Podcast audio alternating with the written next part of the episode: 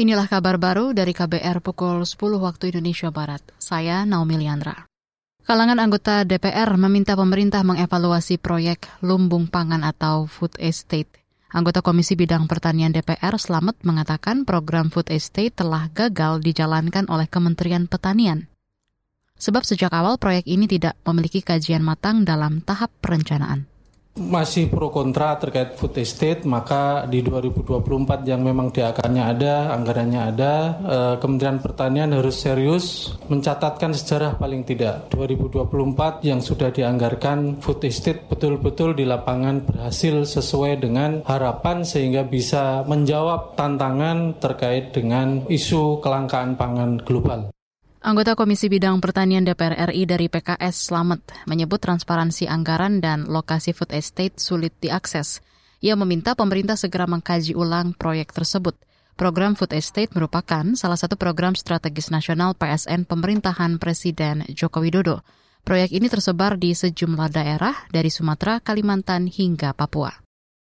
Kita ke informasi lain. Kementerian Pendidikan, Kebudayaan, Riset, dan Teknologi memberikan kepercayaan penuh kepada perguruan tinggi untuk menentukan standar kompetensi. Salah satunya yakni kelulusan bagi mahasiswanya. Direktur Jenderal Pendidikan Vokasi Kemendikbudristek Kiki Yuliati mengatakan hal tersebut dijamin dalam Permendikbud nomor 53 tahun 2023 tentang penjaminan mutu pendidikan tinggi. Karena sebetulnya perguruan tinggi kita ini sekarang sudah mulai didominasi oleh yang baik atau baik sekali. Artinya yang udah udah di rata-rata atau uh, di atas rata-rata bahkan. Perguruan tinggi yang masih di bawah rata-rata itu tidak dominan. Sehingga kita sudah waktunya uh, melihat bahwa perguruan tinggi ini diberi otonomi, menentukan yang bagus untuk mereka apa kita akan memberikan kepercayaan lebih besar kepada perguruan tinggi untuk menyusun standarnya sendiri yang lebih fleksibel dan memberikan layanan terbaik yang bisa mereka lakukan. Itu tadi Direktur Jenderal Pendidikan Vokasi, Kiki Yuliati. Sebelumnya Menteri Pendidikan Nadiem Makarim menjelaskan kementerian sudah melakukan penyederhanaan standar kompetensi lulusan. Dalam Permendikbud baru itu, kompetensi mahasiswa tidak dijabarkan secara rinci lagi, dan kini mempercayakan perguruan tinggi untuk merumuskannya sendiri. Bergeser ke lantai bursa, indeks harga saham gabungan IHSG di Bursa Efek Indonesia BEI pagi ini dibuka melemah. Indeks turun 0,20 persen atau sekitar 14 poin ke level 6.940. Sebanyak 170 saham turun, hampir 200 saham naik, dan 200-an saham stagnan.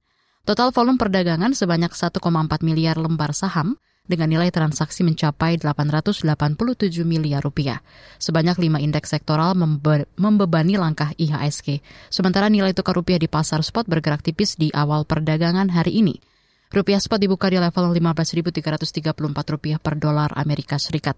Ini membuat rupiah melemah tipis 0,04 persen dibanding penutupan hari sebelumnya di 15.328 rupiah per dolar Amerika. Pergerakan mata uang di Asia bervariasi, di mana bat Thailand menjadi mata uang dengan penguatan terbesar di Asia setelah melonjak 0,22 persen. Demikian kabar baru dari KBR, saya Naomi Liandra.